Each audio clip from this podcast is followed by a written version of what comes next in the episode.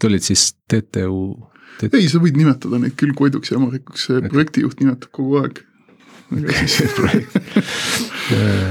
meie külas on täna Madis Kaal TalTechist. Ehm, kusjuures ma tegelikult ei ole TalTechis. kus, kus sa oled? ma olen töötu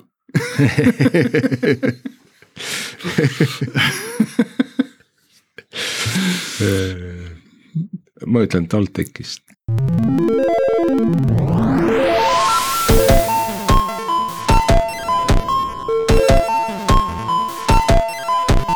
Tere taas Algorütmi lainel. täna on äh, viies märts, mina olen Sergei Anikin Pipedrive'ist ja Priit Liivak Nortalist liitub meiega veidi hiljem. tänases episoodis räägime Koidust ja Hämarikust. mitte küll äh, päikse liikumisest tingitud äh, nähtusest, vaid satelliitidest Koit ja Hämarik. meil külaliseks on täna Madis Kaal Tehnikaülikooli satelliidiprojektist. Madis küll ise ütleb, et ta on töötu hetkel aga tere tulemast Algorütmi. tere, tere. aga miks, miks sa siis äh, ütled, et äh, sa oled? Äh, sellepärast, et ma osalen selles projektis puhtalt heategevusena nii, aga sul on nii palju kogemust, võib-olla natuke räägid endast ka, et millega sa oled enne seda projekti tegelenud äh,? enne seda olin pikalt Skype'is ja lõpuks siis Microsoftis. ja see satelliidiprojekt oli nagu sõbrad ütlesid, rehabiliteerimisprojekt, et uuesti nagu päriseluga kohaneda. taastami-, taastamis. taastamisprojekt, jah äh, okei okay,, aga enne Skype'i sa olid? Äh, enne Skype'i töötasin ma ProExpertis äh, ka päris mitu aastat ja enne ProExperti töötasin põhimõtteliselt Forex pangas, sealt edasi siis oli ta Optiva pank. ja Sampo panga ajal mind enam seal ei olnud aga enam, enamasti ikka tehni-, tehniliste asjade. ikka tehniliste peal, jah. ma mäletan äh,, Skype'is sa tegelesid mobiiliversiooniga.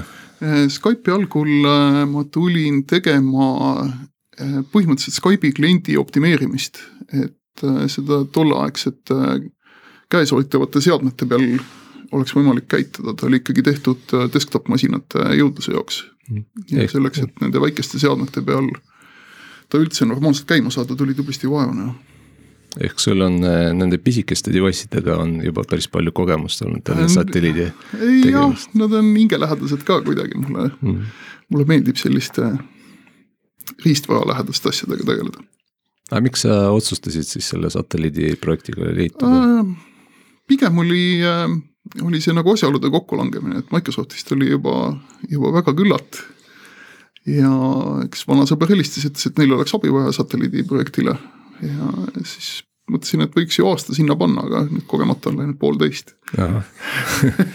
aga mis see, mis selle projekti eesmärk, miks, miks üldse ähm, TalTech tegeleb sellega äh,? projekti eesmärk äh,, keeruline öelda, mis nagu äh,, mis TalTechile selles äh, selles nagu kõige ahvatlevam oli, aga see on nagu see pisikeste satelliitide tegemine on praegu ülikoolidel selline kuum teema, et kui sa oled ülikool, siis sul peaks ikka olema mm. -hmm ma tean ja..., et äh, Tartus on ka, me isegi oleme segi ajanud selle Est-Cube'i ja, ja, ja teie projekti. Tartu, äh, Tartu esimene Est-Cube äh, käis kosmoses ära ja mm. töötas seal pikka aega, kuigi viperusi oli neil ka, aga nad ikkagi suutsid oma satelliiti kontrollida ja, ja minu teada ka pilte alla saada, et, et nende primaarne missioon oli küll päikesepurje katsetamine, aga aga see nendel läks pisut untsu ja minu teada nad plaanivad teha teist. Est-Cube kaks. Est-Cube kahte, jah. aga kui... ma ei tea, kui kaugel nad sellega on hmm.. aga kui, kui suur või, või väike see satelliit on äh,? see, mida konkreetselt meie ehitasime, see oli üks unit, need äh, kuupsatelliidid on äh, on põhimõtteliselt üheliitriste unit itena. ehk siis kümme korda kümme korda kümme sentimeetrit. ja sul võib olla ühe unit'i satelliit, sa võid neid kuni kolm tükki ülestikku panna, siis võid sinna kõrvale panna veel teise kolmese torni, siis saad nagu kuue unit'i satelliidi. siis võid veel suuremaks ka ajada, et teha nagu äh, näiteks kaheksa unit'i satelliidi, sihukese pontsaka torni aga kuidas need üles saadakse, need ei panda ju ühekaupa raketti sisse? ülessaamise mehhanism on, äh, on tohutult lihtne, see on sihukene põhimõtteliselt kas siis äh, oleneb sellest, kui suur satelliit või kui palju neid seal sees on, on see kas karp või pikem toru, kus otsas on vedru. ja tehakse luuk lahti ja see vedru lükkab satelliidid välja.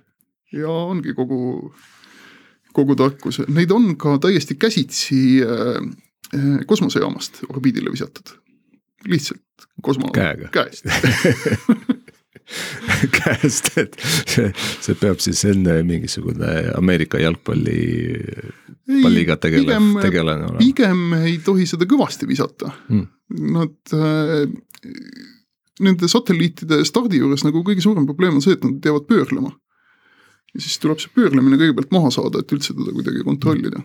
kui suure hooga visata, siis võib juhtuda, et see pöörlemine on kole kiire ma saan aru, et äh, seal on hästi palju tegelikult äh, mehaanika probleeme on vaja ära lahendada. Äh, mehaanika probleemid on äh, väga palju on ette kirjutatud, mis materjali tohib kasutada ja millised tolerantsid on.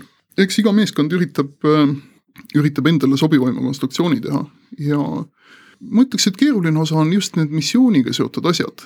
kui sul on äh, nagu Est-Cube'il oli vaja hästi pikk traat rulli pealt maha kerida kuidas seda teha ja kuidas kokku pakkida antennid, et need mahuks sellesse kümme korda kümme sentimeetrisse, aga kosmoses ikkagi lahti tuleks hmm.. kui suured need lõpuks pidid tulema siis? Äh, need antennid või? Äh, oleneb, mis sagedusel raadio on hmm., aga, aga nad on ikkagi siuksed paarikümne sentimeetrised äh, kas traadid või siis tihti kasutatakse mõõdulinti see rullub hästi lahti. ta, ta püsib sirgena, see on nagu hea et äh, TalTechi satelliidil on, on sellised neli traati, mis, äh, mis tulevad vedrudega lahti ja siis igast nurgast vaatab üks traat välja. -hmm okei aga mida siis arendajal on seal teha, ma saan aru, et sina tegeled pigem tarkvara asjadega ähm,? tegelikult nagu see keerukus ja see, kuhu aeg läheb, on ikkagi tarkvara.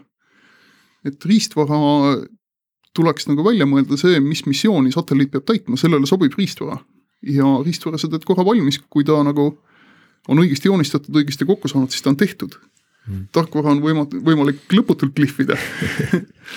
Ja TalTechi satelliit on ülikeeruline. Mm.. seal sees on äh, kokku seitse protsessorit, väga erinevad kõik, erinevate tootjate omad, erinevate mm. perekondade omad. Kes, kes on selle riistvara siis kokku pannud? Äh,? riistvara on äh,, põhimõtteliselt on see ikkagi äh, selle satelliiditiimi liikmete disainitud. Mm. Ja koostamine on enamasti käinud kuskil koostamistehastes, see. aga mitu tükki neid tehtud on äh,? kaks tükki on need, mis äh,, mis on kosmose nii-öelda mudelid mm., mida siis kutsutakse Koiduks ja Hämarikuks. ja siis on üks, mis pannakse täielikult kokku, mis jääb maale mm. -hmm. mille peal saab nagu kogu funktsionaalsust testida. põhimõtteliselt arenduskeskkond põhimõtteliselt on ta testkeskkond rohkem, arenduskeskkonnaks on veel selline versioon, kus äh, satelliidi sisse käiv elektroonika on kõik laua peale laiali laotatud. selliseks, äh, seda kutsutakse flat site'iks aga seal on küll kõik elektroonikaplaadid, aga ei ole näiteks kõiki sensoreid ja päikesepatareisid ja mm. aga arendamiseks on see flat palju parem, sest sinna saab programmeerimisotsad külge panna. okei okay., mitu arendajat teil tiimis on um,? viimased pool aastat üks sina? okei, mis juhtus nende ülejäänutega? Äh, see on tegelikult natuke kurb lugu, et, äh, et see peaks olema tudengisatelliit, kuhu tudengid, äh, mitte tudengid peaksid ehitama, aga mm. tegelikult seal satelliidi sees on tudengite tehtud ikka ääretult vähe hmm.. sest see on keeruline, pigem keeruline? pigem väga keeruline jah, et hmm. selgelt selgelt isegi nagu bakalaureuse lõpetanud inimesed ei, ei käi sellest üle ja koolis õpetatakse pisut vale teemat selle jaoks hmm.. õpetatakse sellistes suurtes süsteemides programmeerimist, Javas enamasti oota, aga mis tehnoloogiat äh, sina kasutad äh,? tavaline ANSI C. Äh, see ei olnud minu valik, see oli juba ette kirjutatud. ette valitud jah, et me teeme ANSI C-s, tegelikult oleks võinud C++-is teha Aga mis vahet, tänapäeval on ju ka mingisugust äh, hästi pisi, pisikesteks juunideks äh, kompileeritavad programmeeris-, programmeerimiskeeled um,. noh, näiteks ma ei tea, Google'i Go. põhiline on ikkagi see, kui hästi sa rauale ligi saad, sest sa, hmm. sa alustad ikkagi sellest, et sul on protsessor, mis teeb reset'i ja sul kuskil mälus olev kood läheb nullist käima. sa pead alustama sellest, et kuhu sa stack'i paned. et mm -hmm. nagu see rauale ligipääsetavus äh, on see, miks seed ja C++ kasutatakse. mitte ASMi? Äh, õnnetuseks meil toitemoodul on ASMis programmeeritud. see on viis korda ebaefektiivsem kui, kui siis kirjutamine ja sa mõtled äh, produktiivsuse mõttes? produktiivsuse mõttes ja, ja jube raske on sealt vigu leida ja vigu mm. tuleb hästi. ja vead on keerulised, noh neid on nagu, juba avastamine on keeruline ja siis mm. Seda assembleri koodi on äh, viisteist tuhat rida seal ikka nagu õnnestub õnnestub äh, kirjutada mõni mälu, mäluplokk üle. ahah, ja siis huvitavad sellised äh, concurrency vead mm, -hmm. kus äh, äh, mingi andmepakett tuleb sisse samal ajal, kui teist töödeldakse, võib juhtuda, et kirjutatakse mälus midagi üle selle peale. aga miks toituplokil üldse mingi, mingit loogikat vaja äh,? toiteplokk on äh, hästi võimekas, ta suudab kõike mõõta, ta jälgib, et, äh, et ei tekiks voolude ülekoormusi, temaga saab sisse-välja lülitada asju. ta muuhulgas on suuteline ka varuraadiona töötama mm.. et tal on, ta on tegelikult päris päris võimekas. Mis, mis teie programmi siis eesmärk, et kui tartlastel oli see purje äh, katsetamine, et mis, mis teie ähm, eesmärk on? jube palju on eesmärke, aga ikkagi primaarne eesmärk, äh, ametlikult nagu sõnastatud eesmärk on maast kõrgresolutsiooniga piltide tegemine mm. -hmm. ja selleks on äh, selle satelliidi peal kaks viie megapikslist kaamerat, suhteliselt, suhteliselt pirakate teleobjektiividega nii palju, kui sinna kümne sentimeetri sisse mahub. Mõne, mõne iPhone'i pealt äh, äh, lahti. suured, äh, suured sensorid ja objektiivid on ikkagi sellised seitse sentimeetrit pikad. kaameratest nagu oleks, üks on, äh, üks on nähtava valguse kaamera, teine on infrapuna või infrapuna lähedase valguse kaamera ja siis lisaks sellele on veel kolmas kaamera, millega saab, millega on plaanis, et satelliit salvestab iseenda launch'i kui ta torust välja lendab, siis teeb äh, ruttu selle webcam'iga väikese video. Selfie. Ja siis äh, hästi palju on äh, keskkonnasensoreid, sest sellist infot, et kui suur seal kiirgustase on ikkagi, milliseks lähevad temperatuurid päikesepoolsel küljel äh,, kui ruttu need päikesepatareid hävivad seal kiirguse ja ja osooni toimel näiteks, et äh, see keskkonna info kogumine on, on hästi oluline. ja kuhu see info läheb? Äh, see info on, on plaanis äh, põhimõtteliselt serverisse panna Ko. kohe või, või seal on mingisugune vahepuhver ähm, või mingi ket-, kettas ka selles? meil on, meil on seal peal tegelikult kolm SD-kaarti. see, kui kaua nad seal kiirguses vastu peavad, seda me ei tea. et esimene nagu see kõige esmane plaan on ikkagi see, et me reaalajas iga kord, kui satelliit Eestist üle lendab, eh, reaalajas loeme kõik sensorid. et ei ürita kuskile, kuskile salvestada. kui kaugel ta on teilt maast? Eh, ma ei tea täpselt orbiiti peal, nad on kõik viiesaja ja kaheksasaja kilomeetri vahel. pigem viiesaja lähedal. ja mis, mis raadiosagedusega sa suudad sealt? Eh, meil on põhiraadio on nelisada kolmkümmend viis megahertsi ja meil on ka üks hästi kiire raadio, mille jaoks Mektori katusele suur taldrik püsti pandi hmm. ja see on kümne gigahertsi peal.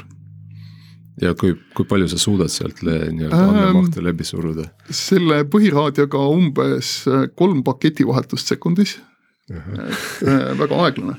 põhimõtteliselt, äh, kui satelliidile pakett ära saata, siis läheb aega selleks, et raadio suund ringi muuta, ta on meil selline üks kanal peab mm. edasi-tagasi nagu ühes kanalis käima yeah.. Need suunamuutused võtavad nii kaua aega, et. Äh, kas sa, sa ise pead seda programmeerima ka või selleks on mingisugust? selle programmeerisin ka jah kas selleks ei ole mingit valmis lahend-, lahendusi ähm, juba, juba tänapäeval? nii ja naa, no ikka on valmis lahendusi mm., äh, aga kuna meil kasutati satelliidiraadio tegemiseks ühte väga spetsiifilist mikroskeemi, siis tuli see valmis lahendus äh, pisut tuunida okay. et eh, nagu alati nende proprietary lahendustega okay. ja, ja ehitasime tegelikult ka sellesama mikroskeemi peal nagu maapoolse, maapoolse raadio, et kui reaalselt satelliit üleval on, siis proovime, kumb paremini toimib. ja selle kiirega, miks neid äh, kaks, äh, kaks? selle põhiraadioga on lootusetu neid pilte alla saada mm., et viie megapiksline kaamera teeb põhimõtteliselt, kuna ta on kaheteist bitine sensor, siis teeb seitse ja pool megabaiti iga pilt. seda no ütleme, saab alla laadida, aga võtab mm. paar nädalat aga selles teisega, kiiremaga? kiiremaga loodame ikkagi saada megabitti kanti mm.. ja siis äh, õnnestuks ikka ühe ülelennu ajal pilt kätte saada. üks pilt? keeruline öelda, protokolli ei ole veel teinud, et, äh, et kui palju mm., kui palju täpselt jõuaks, ülelennud on, on hämmastavalt lühikesed. kõige pikemad ülelennud on kaksteist, kolmteist minutit, ikka täitsa vuhinal paneb üle pea. kui suurel kiirusel ta läheb siis nüüd ma peast ei mäleta, üks kraad sekundis umbes arvutage ise. arvutage ise üks kodune ülesanne kuulata, et ma ei julge praegu öelda, see on, see on tegelikult väga fikseeritud kiirus, millega asjad püsivad samal orbiidil. et äh, ma ei taha seda numbrit praegu välja öelda, äkki ütlen täitsa mööda. Äh, noh, ma kujutan ette, et isegi kui need tudengid teilt ise ei suuda neid probleeme lahendada, lihtsalt nagu nende probleemide äh, teadvustamine on ilmselt juba suur äh, samm nende arengus. jah, aga nad nagu nii palju, kui mina olen näinud, nad isegi, isegi selles nagu. Äh, aru ei saa isegi selles failivad, sest äh, mulle tundub, et see on põhiliselt motivatsiooni küsimus mm., neile puudub motivatsioon selle asjaga tegelemiseks okay.. ja äh, TalTechis vähemalt on tudengitel võimalus osaleda projektis minu meelest näiteks Saksa kõrgkoolides jagatakse tudengitele ülesanded, natuke teistsugune motiveerimisskeem. see on huvitav, et, et äh, Eesti on nii nii-öelda eesrindlik just selle äh, üldiselt ettevõtetes tegelikult antakse inimestele võimaluse valida projekte ja, ja ülikoolis ka võimaluse äh, valida. ilmselt see, see riistvara lähedus ja, ja nagu see, see valge lehe probleem, et sul ei ole mitte midagi sa pead alustama sellest, et leidma kõigepealt mingi arendusvahendi, millega sinna mm. nagu koodi saaks üldse kirjutada, et see on ilmselt nii ehmatav.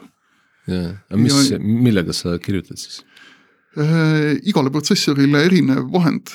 põhiline, noh ikkagi C-compiler on seal taga mm., aga arenduskeskkonnad, millega saab debugida, on, on iga protsessori tootja äh, toodab enda arenduskeskkonna. Nad on kõik Eclipse'ist tehtud ja ikka suht jube kraam on see kõik ühesõnaga Java, Javas tehtud äh, ja, arendusvahend, millega sa kompileerid mingi seal, seal taga on äh, alati GNU C compiler ikkagi lõpuks, aga debugereid on jah, just see debugimise, debugimise osa on see, mis sunnib sind kasutama põhimõtteliselt seda keskkonda. kui suur see koodibaas, mida äh, sa pead haldama nüüd? ei ole, ma arvan, et ta ei ole astronoomiliselt suur, sest äh, tegelikult on kõigil protsessoritel väga minimalistlik äh, tarkvara praegu peal mm., mis võimaldab äh, nagu, nagu primaarne missioon on see, et me saaksime upgrade ida. kõik, kõigi protsessorite peal olevat tarkvara saab upgrade ida. ja siis teine oluline asi, mis me tahtsime teha, on see, et kogu riistvara, mis nende plaatide peal on, et me oleksime kõik selle ära testinud. et see kood, mis seal peal jookseb, võimaldab kasutada kõike riistvara.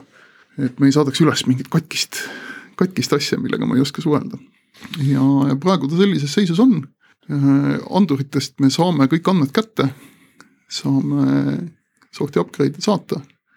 ja nüüd on siis, kui, kui satelliit äh, orbiidil elus on, siis peaks äh, tekkima tudengitel nagu selline projekt, kus nad saavad orbiidil oleva satelliidi vahendeid kasutada selleks, et teadust teha põhimõtteliselt kas mõõta midagi või üritada pilte teha ja piltidest midagi välja vaadata. mis, mis seisus see projekt praegu on, ma saan aru, et äh, see satelliit on juba teel? Äh, satelliit on juba kuu aega olnud teel, äh, satelliit antakse enamasti paar kuud enne tegelikku raketi ülesminekut ära. ja see äraandmine seisneb selles, et ta tegelikult juba pakitakse sellesse, sellesse payload'i, mis raketi peale läheb. sihuke, sihuke suur nagu seal Viljandis või kus nad tänavavalgustitest kuusepuu tegid, no umbes samasugune asi kus on siis äh, külje pealt vahivad välja need, äh, need starditorud, mis siis laotakse nii palju satelliite täis, kui, äh, kui nad vähegi saavad. Mm. sest kui, kui nagu massi poolest ruumi on, siis on vedajatel kasulik viia nii palju üles, kui, kui nad suudavad. kas see, see on tasuline või tasuta? ikka tasuline. Aga see hind on viimaste aastatega väga kiiresti kukkunud hmm.. mõni aasta tagasi räägiti veel umbes sada tuhat eurot ülesviimine sellise. see väike kuubik. väikese kuubiku ülesviimine. nüüd tegelikkuses hinnad nagu äh, kisuvad sinna kahekümne tuhande kanti ja oleneb sellest, milline tehing parajasti käsil on viimase minuti piletid on suht odavad et kui vabad augud on, aga sa ilmselt ei jõua enam sinna mitte midagi teha. jaa, sul peab satelliit valmis olema, et äh, TalTechi satelliite on nüüd arendatud kokku viis aastat. ja mm. nüüd siis loodetavasti on esimene, mis orbiidil elus on see võib täitsa äh, strateegia olla, et sa teed valmis ja ootad, millal nii-öelda odavad piletid saabuvad. selle, seal on üks, äh, üks ohtlik asi, isegi meie satelliidis on üks protsessor, mis sel ajal, kui hakati satelliiti planeerima, tundus nagu väga kõva sõna mm. -hmm. aga nüüd on obsoliit et äh, viie aastaga põhimõtteliselt. ja nüüd meil on äh, olemas ka Priit tere! See lõpp esimene lumi see talve, lumi aja arvamusi nii sassi kohe. rongid ei käi lennukid ei lenda täitsa õudne, aga väga hea on siin olla. just. millest te rääkisite? Äh, me just rääkisime sellest, kuidas, äh, mis see hind on satelliidi saatmisel orbiidile, et need hinnad kukuvad väidetavalt, et kunagi see oli sada tuhat, nüüd on juba kakskümmend äh, hinnad, hinnad kukuvad sellepärast, et äh, ülesvedajate arv ja ülesvedamisoskus on nii palju kasvanud, et viiakse kümnetes neid iga lennu ajal ja mm. Uus-Meremaal on üks äge raketifirma, kes plaanib teha kaks reisi nädalas kas see on äh, põhjus, miks äh, nüüd saadetakse üles kaks satelliiti ühe asemel? kas ma saan aru, Koit ja Hämarik on kaks? ei, tegelikult üks satelliit meil juba läks üles ja kadus Aha. kosmosesse räägi sellest, äh, kuidas nad ära kaovad või äh, kuidas äh, me olime nagu siis, kui see esimene satelliit ära anti, ega me ei teadnud, kuidas see, kuidas see kosmosesõit tegelikult käib. ja see oli test? see oli nii-öelda õppematerjal jah, et see rakett läks üles Venemaalt täitsa Korea piiri ääres on nendel uus kosmodroom. ja sõidutati sealt üles, selle raketi peal oli kui ma õigesti mäletan, umbes kolmkümmend viis tükki neid pisikesi satelliite. ja siis üks suur, mis oli Vene eh, ilmaseiresatelliit minu meelest, Meteor ja siis see rakett sõitis üles nagu buss, viis kõigepealt selle suure satelliidi kõrgele orbiidile, siis tegi kaks peatust alla tulles ja puistas neid pisikesi. ja meil oli küll selline, selline nimekiri, et millise peatuse ajal millised satelliidid välja visatakse ja oli ka öeldud ette, nagu ette arvestatud orbiidid, kuhu satelliit võiks sattuda. aga algul nad tulevad välja nagu kõik suhteliselt tropis ja meie ei osanud otsustada, kus meie oma siis nüüd on. võtsime Norradiga ühendust, et milline meie oma on. Nemad ütlesid, et aga kust meie teame, teie peate meile ütlema, milline teie oma on. ja siis äh, algul nendel oli veel nii, et ainult nagu paari erinevat äh, nii-öelda objekti nad suutsid eristada. päevade jooksul siis laguneb see pise, pisemateks objektideks laiali, see pagun. ja algul nendel satelliit, satelliitidel pole nimesid, sa pead nagu kõiki lihtsalt jälgima ja otsima, milline sinu oma võiks olla, et kui ta raadioga ühtegi piiksu ei tee, siis on lootusetu ülesanne, et kindlaks teha. et selle äh, järgmisega, et kumb, kumb läks tegelikult juba hea küsimus mm,. äkki Hämarik? okei okay. ja nüüd Koit peaks üles minema, kuidas te nüüd äh, teades, mida, et tei, teilt, teile keegi ei ütle, kumb teie oma? oluliselt jutukam on ta okay.. enne esimese satelliidi me saatsime üles selle nagu teadmisega, et me peame akut kokku hoidma mm. -hmm. ja ta tegi iga kolme minuti tagant tegi väikese sutsaka. et selle, selle leidmine, noh kui ülelennud on äh, kuni kaksteist minutit, et ta teeb selle jooksul neli väikest sutsakat, kui sa siis mööda sihid, siis nagu tule midagi, et uus on ikkagi väga jutukas sellega võrreldes, saadab morset ja Sossi nagu kogu aeg tuleb midagi. vaata, aga selle akuga äh, sa enne saad, saadet natuke rääkisid, et äh, mis see, see aku probleem on? Äh, aku probleem on see, et satelliit on nii elektroonikat täis topitud, et kui kõik asjad sisse lülitada, siis on aku kohe tühi. et ei ole mingit lootustki, et ta nagu no nagu... seal on ikka laadimisvõimalus täitsa ju olemas, et äh, laadimisvõimalus Eh, meil on, eh, meil on kõik küljed paneelidega kaetud, aga see laadimisvõimalus on nii, et kui ta juhuslikult pöörleb seal kosmoses, siis eh, keskmiselt on natuke rohkem kui üks külg mm -hmm. päikese poole ja sealt ühest küljest ei tule väga palju energiat mm. -hmm. ja isegi ideaalselt on ainult kolm külge. et kõiki asju korraga sees hoida me kindlasti kogu aeg ei saa mm. -hmm. aga noh, osa asju on see Äh, suure kiirusega raadio näiteks on hästi suur voolutarbija, põhiprotsessor on hästi suur voolutarbija, meil on seal üks FPGA, mis kaameratega suhtleb, see võtab hästi voolu, et äh, on osa asju sellised, mille me saame mingi konkreetse ülesande täitmiseks sisse lülitada ja siis, kui me oleme selle ära teinud, lülitame nad uuesti välja ja laeme uuesti akusid. see on selle siis toiteploki ülesanne? see on toiteploki ülesanne, jah. mille kood on ASMis et äh, me rääkisime. väljakutseid pakub. kui äh, sa mainisid, seal on mingi kaameraplokk peal, millega mm. siis suheldakse, ma saan aru, et äh, ta nii palju andmeid ei saada, et ta sealt mingeid pilte alla saadaks äh,. kas ta teeb siis äh, seal kohapeal mingit töötlust sellele materjalile? me saame, me saame kohapeal töötlust teha, plaan on see, et me võtame kaameraga pildi, teeme sellest nagu äh, sellise pildi, mis on nagu inimesele juba nähtav, mitte see Bayeri maatriksi rohelised sinised täpid. ja mm, teeme sellest väikese thumbnaili, mille saab äh, kiiresti alla laadida ja vaadata, mis pildi peal on. kas on väärt nagu seda suurt? kas, kas on väärt jah, ja suurte piltide allalaadimine eeldab seda, et kiire raadio töötab, et reaalsuses selle põhiraadioga me neid pilte kätte ei saa. et äh, siis peab olema aku silmini täis ja. no põhimõtteliselt küll jah, aga äh, see, see kohe tühjaks tähendab ikkagi seda, et ta käib peaaegu ööpäeva mm.. et äh, me saame mitu ülelendu teha. see on nagu sihuke tavaline telefon, et pead iga päev laadima. kogu aeg peab laadima. kogu aeg jah, pead laadima, juhe taga. kogu aeg ots seinas. oota, aga sa mainisid veel, et, et kui ta pöörleb, siis te ei saa tegelikult äh, kogu aeg nagu äh, õiges positsioonis olla, et kas te saate seda pöörlemist kuidagi äh, tiibadega vehkida kui keegi kirjutaks koodi valmis siis saab tegelikult satelliiti orbiidil pöörata kahe mehhanismiga, mis, mis meil seal peal on. üks on see, et äh, tal on külgede sees poolid, millega saab äh, suruda vastu maamagnetvälja.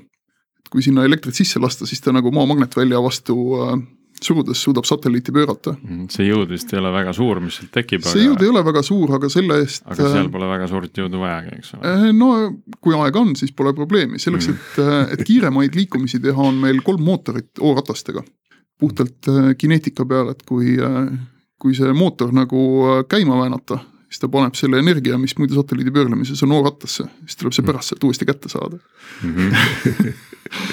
et kui on permanentne asendimuutus, siis tuleb ikkagi maa magnetvälja abil see sealt eemaldada. sa ütlesid, et kui keegi programmeeriks, kas see oli plaanis programmeerida, sa ei jõudnud lihtsalt või? see oli plaanis programmeerida küll, aga aga läks nagu paljude teiste programmeerimisülesannetega, et reaalsuses keegi seda ei teinud. see vist ei ole selline valdkond ka, kus äh, noh, võtaks mingi library juurde, mis seda maamagnetvälja äh, tegelikult äh, tegelikult väga üllatavad asjad on seal kosmosetehnoloogias, sellised library'd, mis maamagnetvälja modelleerivad, on olemas ja kõik kasutavad seda hmm. see library, mis selle NORAD-i publitseeritud orbiidi andmed nagu reaalseks kraadides positsiooniks taevas arvutab, on mm -hmm. kõigis keeltes olemas, see on mingi kuuekümnendatest pärit nagu koodibaas, mida on siis hiljem porditud erinevatesse keeltesse, et sellised baasasjad on olemas. aga, aga need rehkendused on ikkagi väga keerulised, need orbitaalmehaanika rehkendused, mis seal üleval tuleb teha, et aru saada, mis pidi see satelliit on, siis välja mõelda, mida sa peaksid tegema, et ta pööraks õigele poole. Ja maa magnetväli ei ole ka kaugeltki ühtlane kosmoses, et äh, ta on väga, väga muutuv. ta on nagu see, see pall ümber maa, mis läheb poolustesse sisse mm, -hmm. eks ole. aga see pall ei ole ka sile, ta on nagu krobeline. jaa, et äh, selles mõttes need, neid inimesi, kes on ilmselt selle satelliidi navigatsiooni tarkvara nullist teinud ei ole väga palju maailmas. ilmselt äh, mitu, kaks, kolm no ikka rohkem, ma arvan yeah.. Sest äh, Est-Cube'i äh, poisid tegid endale. Mm. ja suutsid väga hästi oma satelliiti kontrollida, nad ikka suutsid selle Burgoniks seal üleval teha. Aga see on, see on väga kihvt, et sihukest library materjali on ka olemas, see on selline omamoodi õppematerjali ka ju, kuidas need asjad töötavad, eks ole ähm,. oleneb sellest, kuidas seda kasutad, kui sul õnnestub see library saada kätte sellise musta kasti kujul, mis lihtsalt töötab äh,, siis sa ei saa kunagi aru, mida ta teeb mm,. jaa, muidugi. aga kui sa oled sunnitud seda nagu äh, pulkadest, pisikestest pulkadest ise kokku panema, siis ilmselt saad täheteadlaseks küll kas äh,, sihuke intrigeeriv mõte tuli kohe, kas ja kui palju äh, sellises kosmose satelliidi tarkvaras äh, masinõppe teemasid üldse äh, sees on? Mm, pigem arvan, et ei ole. see on ikkagi nii selline puhas matemaatika, mis on võimalik? seal on nagu põhireegel, mida, mida kogu aeg rikuvad kõik need väikese satelliidi tiimid, mille NASA on nagu pannud, NASA on publitseerinud sellise dokumendi, mingi nanosatellite one oh one kus esimese asjana öeldakse, tee kõige lihtsam asi, mis täidab ülesande, et noh, nagu kui sa hakkad sinna sisse mingit ai-d ehitama, siis see selgelt ei ole kõige lihtsam asi. Mm, -hmm. et äh, et äh, ma arvan, et edu võti on ikkagi see, et sul on väga selge missioon, mida sa tahad sooritada ja kogu su tegevus on suunatud selle missiooni kõige lihtsamate vahenditega ärategemisele.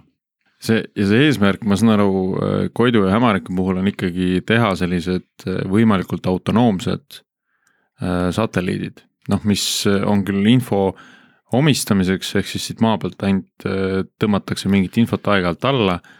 noh, seda juhtimist seal ei ole, et noh, siis see satelliit peab seal ise nad, hakkama saama. Nad, nad peavad paratamatult olema üsna autonoomsed asjad. sest satelliit teeb, need madalorbiidi satelliidid teevad umbes pooleteist tunniga ringi ümber maa. ja maakera kogu aeg pöörleb tegelikult üle Eesti ta lendab mõned korrad päevas ainult kui sul on üks maajaam, millega mm -hmm. suhelda, siis suurem osa ajast see satelliit ei ole kättesaadav.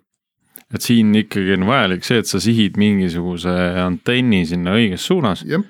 ja, ja siis äh, see suhtlusaken on kui pikk seal?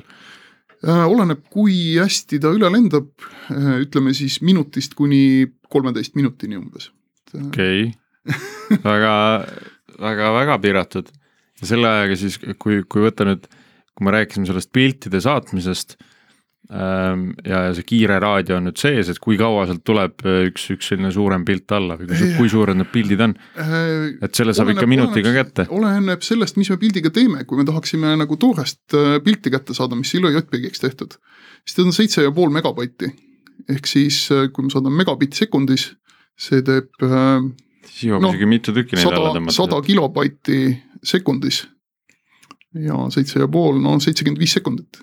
et see on, ütleme siis nii, et see on optimistlik stsenaarium mm. -hmm. pakette läheb kaotsi, äh, see kiire raadio peab olema väga, antenn peab olema väga täpselt suunatud nektari katusel oleva taldriku peale et kõik paketid ei jõua kindlasti kohale. ja kui see satelliit seal üleval veel keerleb, siis see antenn ei ole kui nii ta, täpselt suunatud. kui ta keerleb, äh, siis on lootusetu üritus, kui ta keerleb, ta jääb sedapidi keerlema, et see ant-, antenn ei näita nagu maa poole, siis selle kiire raadioga ei ole midagi teha. Ja... siis tuleb järgmist ülelendu oodata ja. praegu on nagu kahtlus on, et see satelliit, kui temaga, kui teda ei ürita tüürida, siis ta jääb lendama nii, et need lahti tehtud tiivad on tagapool. sest mingi kogus õhumolekuli seal ikkagi on, mis mhm. pidurdab nende tiibadega. see tähendab seda, et kaamerad näitavad ette heal juhul äh, saame veel pilte teha sihukest, kus maahorisont nagu natukene paistab. kuust võib saada ägedaid pilte aga selgelt äh, ei saa see nagu olla, ütleme siis projekti lõpp, et see äh,, see asendikontroll tuleb äh,, tuleb kindlasti ära teha ühel või teisel moel. kui Tehnikaülikool seda, seda ära ei tee, siis äh, noh, ma ei ütleks, et see on täiesti kasutu satelliit, et ta on pildistamiseks kasutu, aga andmete kogumiseks ja äh, ja lihtsalt õppimiseks, eh, mis satelliidiga kosmoses toimub. praegu ei ole nagu, kellelgi pole mingit erilist aimu. me mm. teame, et teised satelliidid on seest umbes nelikümmend kraadi soojad aga, aga näiteks see, kui kiiresti komponendid kiirguse tõttu ära surevad, seda ei oska nagu üldse ennustada. kui kaua akud kestavad seal vaakumis selle kohta noh, mingit infot on S-Cube'ist saada juba, eks ole millegipärast need pisi, pisisatelliitide projektid ei, ei publitseeri selliseid andmeid. ma isegi ei tea, võib-olla ma ei ole osanud otsida, aga see ei ole kaugeltki kättesaadav materjal mm. -hmm.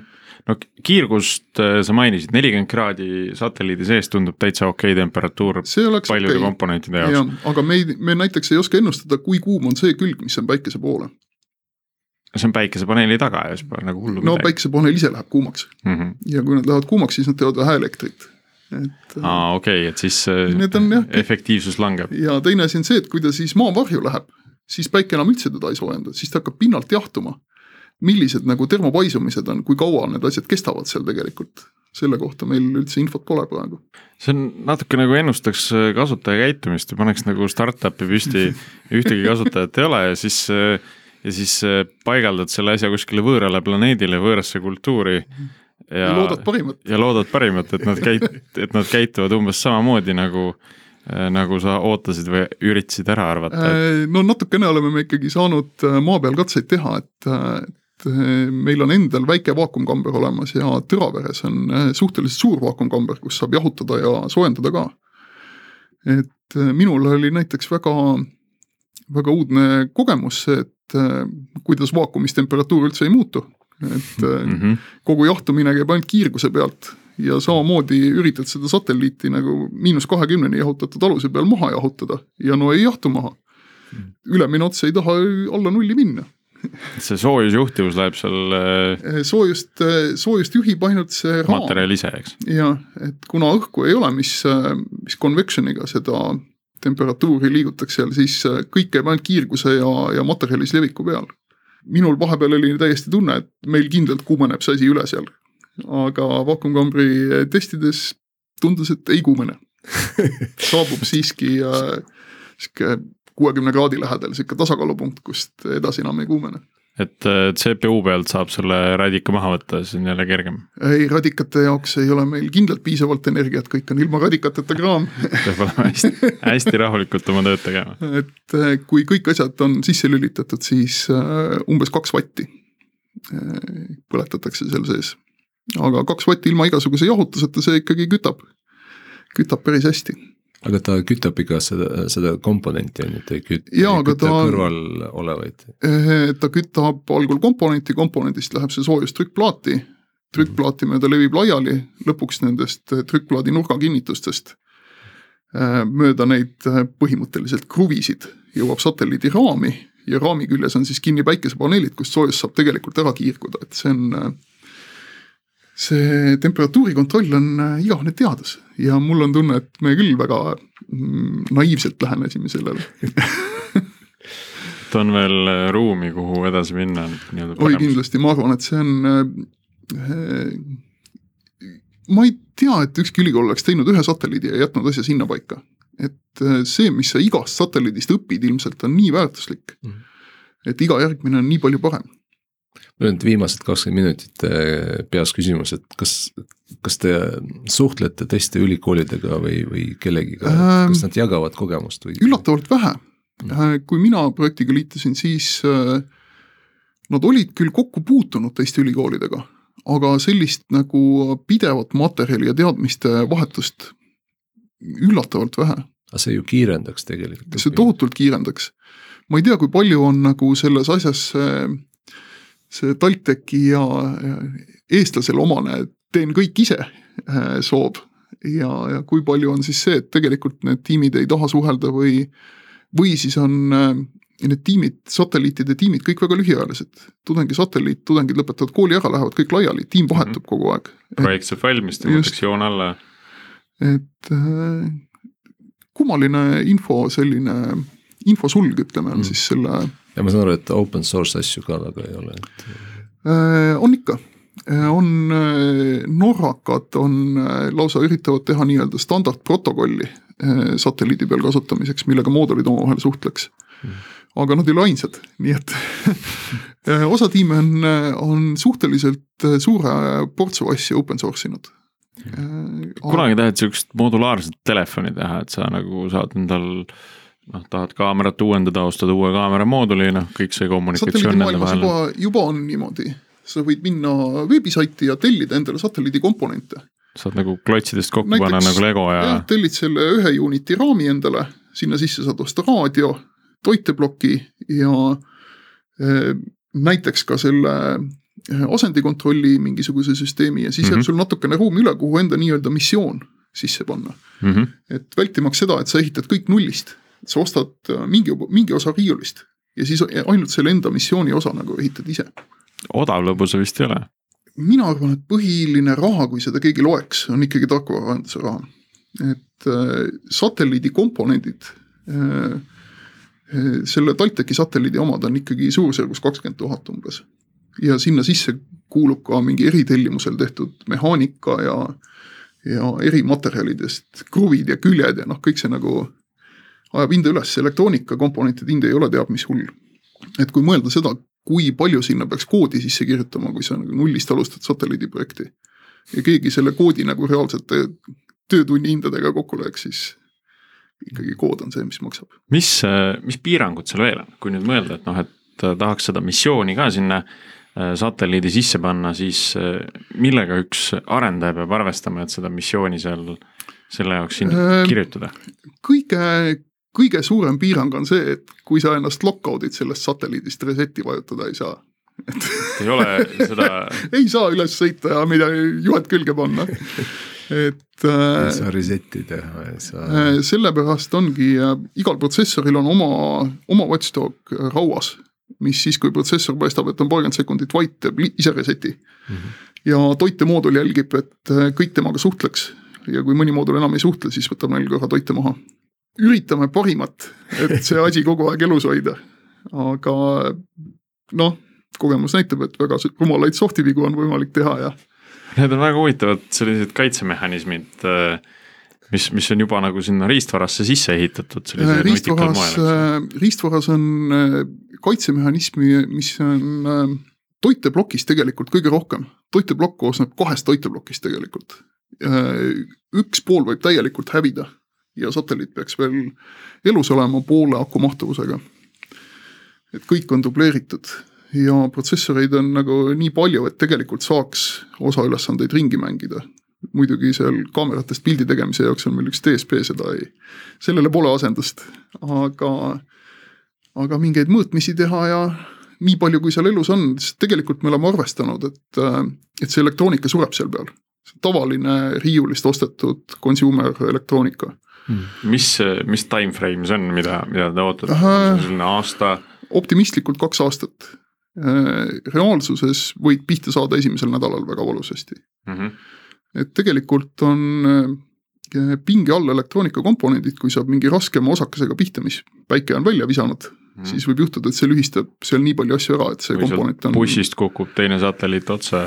Äh, noh, siis kui, siis kui teine satelliit otse kukub, siis pole ilmselt midagi teha enam. seesama meteoor, mis, mis venelased üles viisid suvel, sai mingi asjaga pihta ja ongi küpse. on jah Nad küll said vist temaga uuesti ühenduse, aga ta on väga valel orbiidil ja pooled asjad ei tööta ja nad ikkagi arvavad, et kestas on auk sees kontrollida on ka maru raske ja,. jah, no mingitest anduritest saad järeldusi teha. Temperatuurid muutusid või mingid pinged või voolud. ma just vaatasin eile ühte videot sellest, mida tegid äh, üheksakümnendatel mängukonsoolid selle jaoks, no need kassetiga mängukonsoolid. et sihukest nagu anti-piracy't äh, kontrollida natukene, neil oli ka erinevaid selliseid huvitavaid riistvaralisi lahendusi, üks nendest oli siis selline, et nad kirjutasid mängu tarkvarasse sisse äh, kontrolli, et kui palju on siis mängul saadaval vahemälu ja nad teadsid, et sellel kassetil on teatud hulk vahemälu, aga kui seda juba siis nii-öelda copy'ti mingisugustesse teistesse seadmetesse või floppy diskidele ja jooksutati mingite teiste masinate peal. et siis see hulk muutus, eks ole, et, et see oli ka selline hästi riistvaraline kontroll äh, selle jaoks, et äh, nii-öelda anti, anti-piracy't äh, teha või et, et piraatlust kontrolli all hoida, et mulle sellepärast meeldis ka see näide, et, et saab äh, et protsessor ise kuulab enda tegevust, kui ta natuke aega on vait, et siis ta nagu. ei, see on teine protsessor kuulab teist, meil on. aa, nad kuulavad teineteist, no veel parem. toiteplokk kuulab kõiki mooduleid ja põhiprotsessori plaadi peal on asi, mida me kutsume superviisoriks. mis äh, suudab äh, kahte ülejäänud protsessorit sama plaadi peal käima tõmmata ja nendele tarkvara uuendust teha kas see Priidu äh, jutt äh, tuletas meelde, et kas on mingi security probleem ka, mida peab äh,? Security'ga on äh,, kuidas iga tiim tahab ise teha kõigepealt on see, et see lisab keerukust ja see teeb see teeb, pugimise ka keerulisemaks mm., et kui sul juhtub selle krüptokoodiga midagi, sa hakkad pärast andmeid saama, millega midagi enam ei tee ja minu lähenemine sellele oli nii, et asjad, mis võimaldavad satelliidi üle võtta, või midagi väga halba sellega teha, peaksid olema krüpteeritud mm..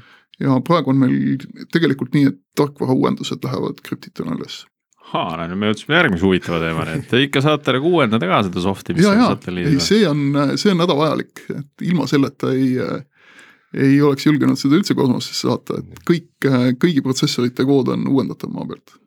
suhteliselt mis, lühikese ajaga. mismoodi see protsess siis äh, käib? suunad olen... selle suunad selle antenni sinna satelliidi poole, saad paki üles. see, see protsess, üldiselt näeb see protsess üldse niimoodi välja, et sul on teada satelliidi orbiidi parameetrid. Äh, NORAD publitseerib neid korra päevas. ja need tegelikult on nii täpsed, et umbes nädal aega võiks nagu selle uuendamata info pealt veel antenn vabalt õiges suunas olla. et äh, võib-olla paar kilomeetrit ujub ära ja tegelikult sa jälgid seda satelliidi orbiiti suunad antenni sinna, kus ta horisondi tagant üles kerkib. ja siis, kui satelliit sinust üle lendab või siis lendab kuskil kaugel horisondi kohal, siis antenniga jälgid teda kogu aeg ja samal ajal siis äh, saadad raadiost pakette ja kuulad, mida satelliit vastab. nii, mida siis satelliit selle peale tegema hakkab? Äh, satelliit, kõigepealt satelliit äh, nagu kogu aeg regulaarselt saadab telemeetriat. et juhul, kui tal vastuvõtu osa katki läheb, aga saatja töötab veel, et siis me saaksime ikkagi andmeid mitte küll äh, hullusti palju, aga no olulisi asju ikkagi. Äh, toited, äh, radiatsioon, temperatuurid, sellised asjad saame kätte, ilma et me suudaksime satelliidil ise midagi öelda mm. -hmm.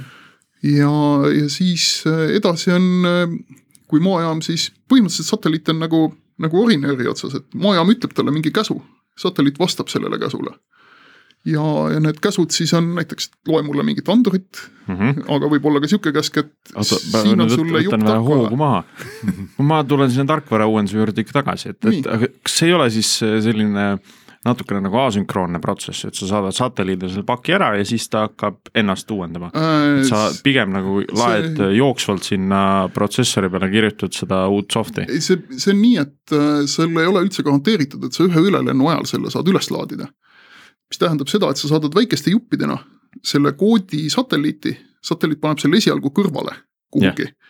ja siis lõpuks saadad käsu, et tee nüüd uuendus. ja siis ilma, et sa peaksid äh, temaga enam suhtlema, teeb ta selle tarkvara uuenduse ära, vahetab uue versiooni peale mm -hmm. ja siis suhtleb edasi.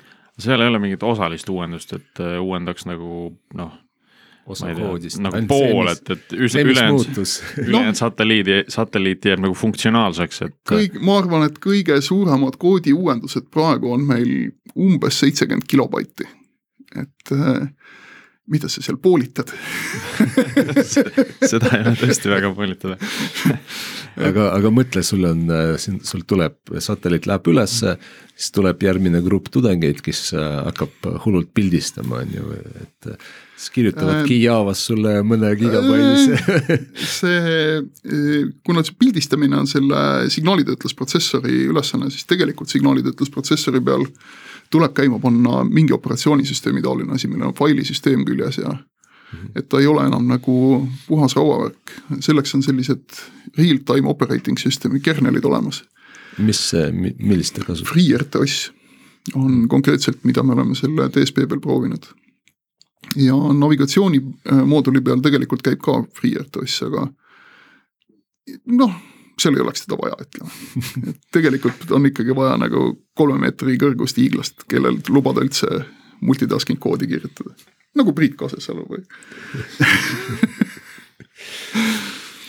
midagi veel huvitav, mingid naljakad äh, juhtumid, mis teil on vahepeal siin juhtunud? parim koodibugi, mis on leitud?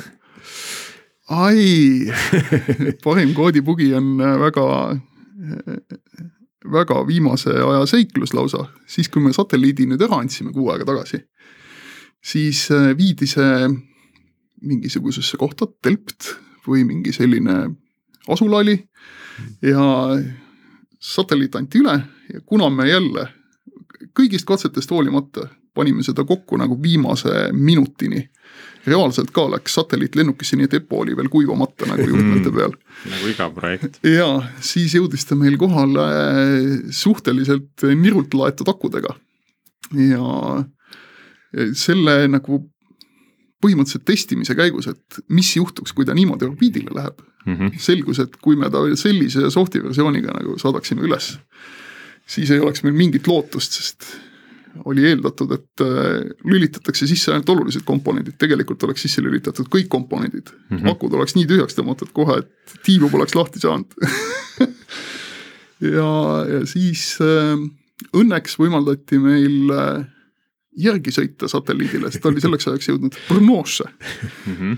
ja siis äh,. saite juhtme taha panna? saime juhtme taha panna ja tegime veel kolmele moodulile uuendused ja laadisime akud ka täis, selleks ehitasime kiirakulaadija. viimane tarkvara uuendus läks ka peale. no umbes niimoodi, et võeti juba sealt sellest äh, stardikastist välja, pandi juhe külge ja tehti uuendused ära, laeti akud täis, pandi stardikasti tagasi kas te olite ainukesed või seal olid veel tiime? ma, ma ei kujuta ettegi nagu no põhimõtteliselt ikkagi on see nagu otsene juhend sellest, kuidas mitte satelliiti teha see võis päris sihuke naljakas pilt olla, et keegi tuleb selle väikse USB laadijaga no meil, meil algul oligi USB laadija, aga selleks teiseks ürituseks ma ehitasin ikka sihukese korraliku karbi, mis näitas voolu ka ja ikka pani sinna nii palju, kui läks ja saime terve öö laadida, et akud silmini täis ja parim, parim teadaolev tarkvara peal meil on äh, tegelikult traditsioon, et äh, küsime mõned kiired küsimused ka mm. -hmm. et üks teisele võib-olla ma küsin Madise käest, siis Madis küsib Priidu käest, Priit küsib minu käest. ringiratast kakskümmend sekki vastamiseks või natuke võib rohkem ka võtta. et Madis, mis sa arvad siis, kui sa sellest taastumisprojektist äh, äh, nii-öelda üle saad, kui projekt on lõppenud äh,, satelliit on orbiidil, kõik töötab. et äh, on sul midagi juba peas, millega sa hakkad tegelema? Uh,? ideaalis äh, teeks midagi samasugust edasi, ainult nii, et keegi maksaks raha ka aga äh, see ei ole kaugeltki kindel, et eks ma midagi ikka. aga noh, selle, see tegelikult päris hea küsimus, et, et selle kogemuse pealt ilmselt äh, leiab mingis kommertsorganisatsioonides ka tööd? see on kummaline asi. see ongi minu küsimus teile, et kui teie poeg hakkaks minema Tehnikaülikooli ja teil on valida eh, põhimõtteliselt nagu tarkvarainseneri eh, õppesuund. või Äri, siis. äritarkvara nii-öelda. ei, nendel on seal mingi infosüsteemide arendus. ja, no oli... kõik lõpetavad enamasti nagu mingi äritarkvara kirjutamisega. ja, ja, ja siis on seal kõrval on teine eriala, mis on, mis on rohkem süsteemiarendus, kus on ka riistvara sees. kumba te oma lapsele soovitaksite? Mina soovitaks küll seda riistvara asja, mul on endal alati olnud hästi hingel see kätega mingi millegi, millegi kokkupanemine ja see on ikka hoopis teine maailm, kuidas äh, ei, ei saa kõike nagu debugida, kõike ei saa näha, sul on need äh, teadmatused on seal sees. ja see must kast natukene selle ükskõik millise kivi näol, et sa lükkad selle koodi sinna peale ja igasugused piirangud, see on minu jaoks on palju huvitavam maailm, et eh, noh, eks ta ise peab, saab, saaks valida, et eh, mis oleks tema jaoks huvitavam, aga see tundub nagu, on minule alati südamelähedane olnud. kindlasti see riistvara ja tarkvara ko-, noh, sihuke maailm, kus nagu ristub, on ju, ta, ta on keerulisem. Eh, noh, et, et igaühele ta ei sobi tegelikult, ma arvan aga noh, kui inimesele meeldib äh, kätega tegemine ja ta saab nendest füüsikaseadustest äh, aru, et ilmselt see oleks. ma just äh, enda pojaga arutasin seda asja eile, ta on gümnaasiumit lõpetamas ja nagu reaalne probleem ja mina ei julgenud seda soovitada talle. sa mõtled finantsiliselt see oleks? See on, kui sa vaatad tööturgu, siis see on selline kummaline turunišš, kus just nagu head spetsialistid võiksid olla kõrges hinnas mm. -hmm. aga vajadus nende spetsialistide järgi, vähemalt Eestis, on tühiselt väike. Nad on kõik peidus kusagil. see on kitsas nišš on ta mõne. jaa, ta on, ta on kitsas nišš, neid firmasid on Eestis, kus sellised spetsialistid töötavad aga see on nagu kaugel startup'i maailmast, nende palgatasemed, nende kogu nende see, kogu nende maailm on mm. oluliselt väiksem. Nad on ninapidi oma pagana auto armatuuri koodi kirjutamises seal kinni jah, aga Madis, sa ilmselt ise oled ka ju sel-, pigem sellist tüüpi inimene, kes oskab ja, ja saab kirjutada ja naudib seda.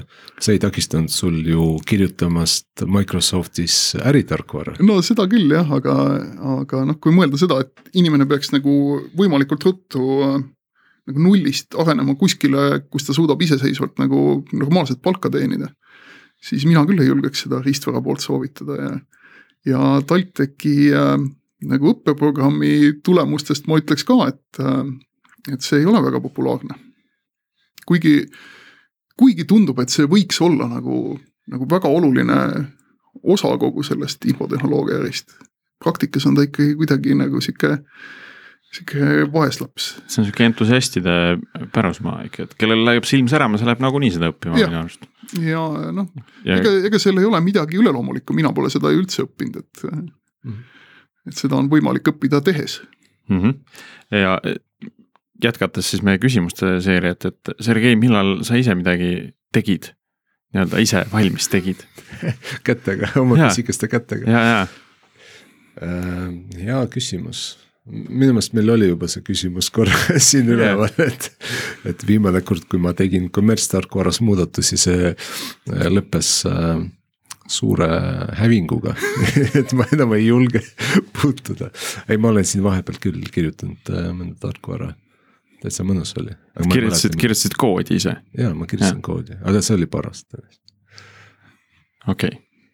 Äh, Madis võib-olla küsid või, või, või see loes, luges juba küsimuses? juba, juba luges küsimusele okay,, ma ei okay,. Okay. no aga siis äh, selle koha pealt ilmselt saame lõpetada oma saated, meil on Facebookis ka Äh, grupp, Algorütmi nimeline grupp, grupp, et liituda. soovitame liituda. saame arutada uusi teemasid. sinna on tulnud äh, vahepeal üks arutelu, mis oli tarkvara keerukuse teemal ja see on, see on endiselt õhus. Äh, keerukuse teemal kindlasti tahaks teha ka ühe episoodi millalgi. täpselt, mis nurga alt me seda vaatame, see on veel selgi-, selgitamisel ja, ja jagage oma sõpradega meie podcast'i, et ikka rohkem kuulajaid, kuulajaid oleks aga tänaseks on äh, kõik, et aitäh. Kuulmiseni.